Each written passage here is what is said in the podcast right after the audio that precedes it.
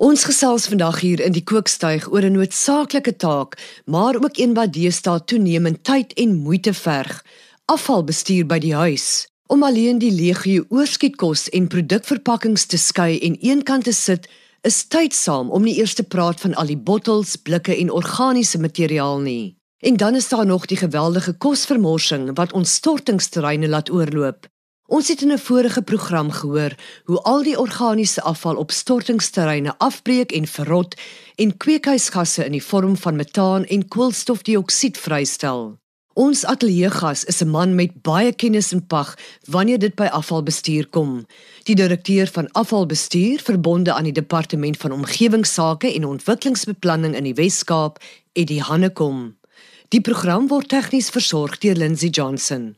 Eddie, wat behels behoorlike huishoudelike afvalbestuur? Ja, dit begin by volhoubare hulpbronbestuur en dit is so eenvoudig. Jy moet eintlik net begin kyk wat gebruik ek, watse produkte en watse hulpbronne gebruik ek en dan te besef watse impak het ek op die omgewing op die aarde.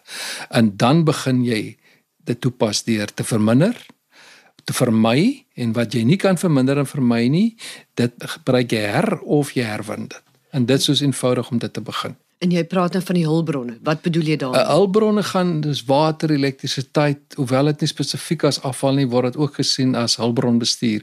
En dit slot basies almal onder die volhoubare hulpbronne hoofie in. Glo dit raak toenemend belangrik dat mense verantwoordelike afval en hulpbronbestuur begin toepas. Absoluut, ons het net soveel daarvan. Ons in die Wes-Kaap reageer fantasties op krisisse. Ons is nou nog eens behoorlik deur die waterkrisis nie. En ons moet dit besef en kyk na die impak wat elkeen van ons daarop en dit begin by almal van ons, by ons huise om dit wel toe te pas. Eddie, het julle 'n idee hoeveel mense in die Wes-Kaap wel herwin wanneer by huishoudelike afvalbestuur kom? Ek het ongelukkig nie vir jou 'n syfer nie, maar wat ek wel vir jou kan gee dat in 68% van die munisipaliteite in die Wes-Kaap word daar wêreld herwinning gedoen.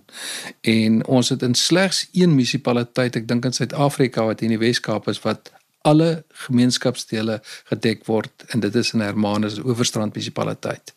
Ons het regtig baie hoë herwinningssyfers in sekere van die munisipaliteite het ons eh, eh, herwinningssyfers wat amper gelykstaande is aan wat in stede in Europa gebeur. Ons is baie gelukkig om baie baie goeie munisipaliteite in hierdie provinsie te hê. Eddie, hoe weet ons alles wat ons so herwin word regtig herwin en beland nie ook op 'n stortingsterrein nie? Ons het 'n baie goeie informasiesisteem waar waar al die afvalhouers wat in in die Weskaap registreer. En daarop word geregistreer wat gegenereer word, wat beskik word, wat herwin word en uh, ongelukkig is daar so ons monitor dit baie goed. Ons het so ongeveer meer as 6000 mense wat afval hou wat geregistreer is daarop. En ongelukkig werk dit sodat as daar nie markte vir van hierdie goed is nie en is geweldig gekontamineer, dan moet dit of na 'n stortingsterrein toe gaan, maar ons probeer dit regtig verhoed en ons skakel dit oom na brandstofgebaseerde van afval om dan dan in verbrandingsoonde of in sementkilns te verbrand om dit nie wel na die Weskaap maar die oorgrootste meerderheid daarvan gaan word wel gebruik hergebruik in produkte en uh, soos ons in Engels sê recycled. Eddie is julle nie bekommer dat daar eendag nie meer genoeg stortingsterreine gaan wees nie. Ons sit al reeds by daai dilemma in Suid-Afrika, maar laat ek eerder oor die Wes-Kaap praat want dis waar ek aangestel is. Ons het 165 afvalstortingsterreine in die provinsie en 65 daarvan is operasioneel. Die res het ons in die proses om dit te rehabiliteer en toe te maak en ons weens verskeie redes het baie baie beperkte net soos in die res van die land ligspasie oor op die stortingsterreine so ek sê ons is baie vinnig om daarby te kom. Die mense wil ons maak dit baie moeilik om enigiets van hierdie terreine te bou en en en daar te stel. En wat gebeur as ons stortingsterreine begin oorloop? Ja, eerstens moet ek sê daar's geen land in die wêreld wat nie afvalstortingsterreine nog wel het nie. In 'n land so Swede sê jy sien dat slegs 1% van sy afval gaan nog na 'n stortingsterrein toe, maar die grootste hoeveelheid daarvan word verbrand. En dit is nie wat ons in Suid-Afrika wil doen nie. Want ons probeer ook die deur die volhoubare afvalbestuur ook werk te skep. En daarom probeer ons so lank as moontlik in die waardeketting hou. Maar is dit nie 'n geval van dan between the devil and the deep blue sea nie? Absoluut, absoluut. Maar wat ons wel doen is ons sien afval nie as iets wat geen waarde het nie. Ons sien afval as 'n hulpbron wat in 'n verkeerde plek is.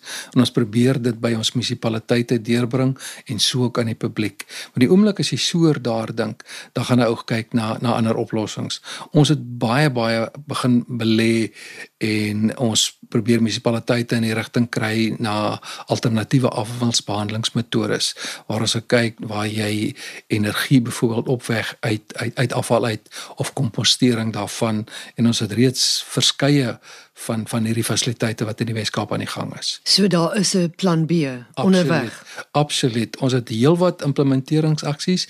Een van die implementeringsaksies wat ons rondom dit gedoen het, ek gaan nie deur alles gaan nie, is spesifiek rondom organiese afval weens die impak wat dit het, het op klimaatsverandering en die uh kweekhuisgasse.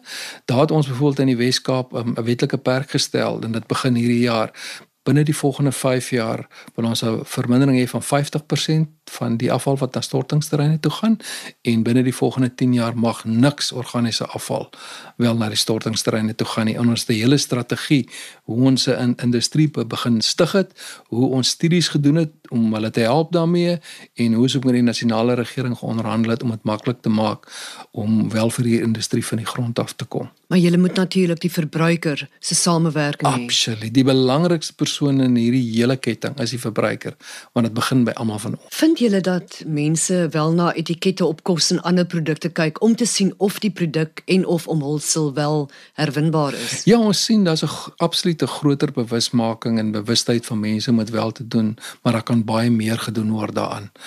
En dit sou hoop ons nou met ons bewusmakingsaksies om dit wel te doen. Iets wat 'n mens natuurlik in aanmerking moet neem, hoewel daar baie van die produkte wat ingevoer word ook van hierdie etikette het is dit baie keer vir ons bevolking wat baie divers is en waar ons 11 amptelike landstale het, is dit moeilik om te verstaan. So dis iets wat ons regtig moet inbring en sorg dat dit daaraan voldoen. Watter produkte wat ons gebruik is die grootste sonnebokke? Op hierdie stadium die arme sondaar is plastiek hmm. en oral waar jy kyk op sosiale media en op die internet gaan jy sien as iets slegs rondom plastiek in in regtig plastiek is eintlik 'n fantastiese materiaal. Dis ons wat mense is waar waar dit 'n slegte naam gee. Hoe ons dit verbruik en as dit natuurlik in die omgewing beland of in die in die see het jy natuurlik jou uh, tragiese gevolge. En uh, ons probeer dit aanspreek. Ons as die Weskaapse regering het 'n besluit geneem en ons is besig om daarna te kyk en uh, ons kyk na plastieksakke, na enkelgebruiksartikels en ook na mikroplastiek. Eddie, hoe lyk huishoudelike afvalbestuur in die langtermyn? Gaan dit baie verskil van ons huidige praktyke? Absoluut, want ons moet eerstens begin besef almal van ons, die industrie, die owerheid en jy as verbruiker dat afval is 'n hulpbron wat op 'n verkeerde plek is. Ons gaan sien dat daar geweldig baie in daai rigting beweeg gaan word om dit te gebruik as 'n hulpbron en waar jy absoluut moet gaan kyk na vermyding, vermindering, hergebruik en herwinning. Ons neem aan jy herwin, herverbruik, hersirkuleer in jou eie huishouding. Gee vir ons jou top 5 wenke. Die heel eerste ding is om te besef en dit is baie keer baie moeilik. Voordat jy koop, dink, het ek dit regtig nodig? En as jy besluit jy het dit nodig, koop dan duursaam groot groot hoeveelhede koop met min verpakking ondersteun die markte wat ons het in al ons dorpe dan berei eerder jou voed jou kos self. Moenie wegneem etes koop dis gesonder en goedkoper. Beplan jou maaltye en koop net wat jy nodig het. Dan moenie deel wees van hierdie uh, enkel verbruiksitems soos ek is self lief vir koffie vir wegneem koffiebekers en plastiekbottels en strooitjies daar's baie maklike maniere om dit te voorkom deur 'n houer te gebruik en dit na jou favourite koffieplek toe te neem. Deur 'n bottel te gebruik om jou water in te gebruik. En ook baie belangrik is begin dan met die skeiding van afval wat jy wat jy kan herwin by jou huis. Die ander ding is is moenie wit olifante in jou huis opgaar of klere wat jy nie dra nie. Gee dit vir iemand as 'n donasie of 'n organisasie wat donasies. Eerstens help jy hulle en jy voel goed en jy verminder jou impak op die omgewing en jy doen iets goeds aan iemand anders. Dit was die Weskaapse direkteur van afvalbestuur Eddie Hannekom. Ons het nou duidelik gehoor dat die dae van alles net weggooi iets van die verlede is. Al die afval dra by tot klimaatsverandering en besoedel ons riviere en oseane. Eddie se wenke is maklik, doeltreffend en kan deur iedereen elk toegepas word. Ons kan almal klein begin deur byvoorbeeld dieselfde materiaal in kopiesak te gebruik. En dan my laaste stuiwer in die armbeers. Die sleutel tot suksesvolle afvalbestuur is verminder, gebruik weer en herwin of soos die Engelsman sê, reduce, reuse, recycle. Die program word ondersteun deur die Wes-Kaapse Departement van Landbou. Ons groet tot volgende week. Onthou die aarde is kosbaar, kom ons bewaar dit.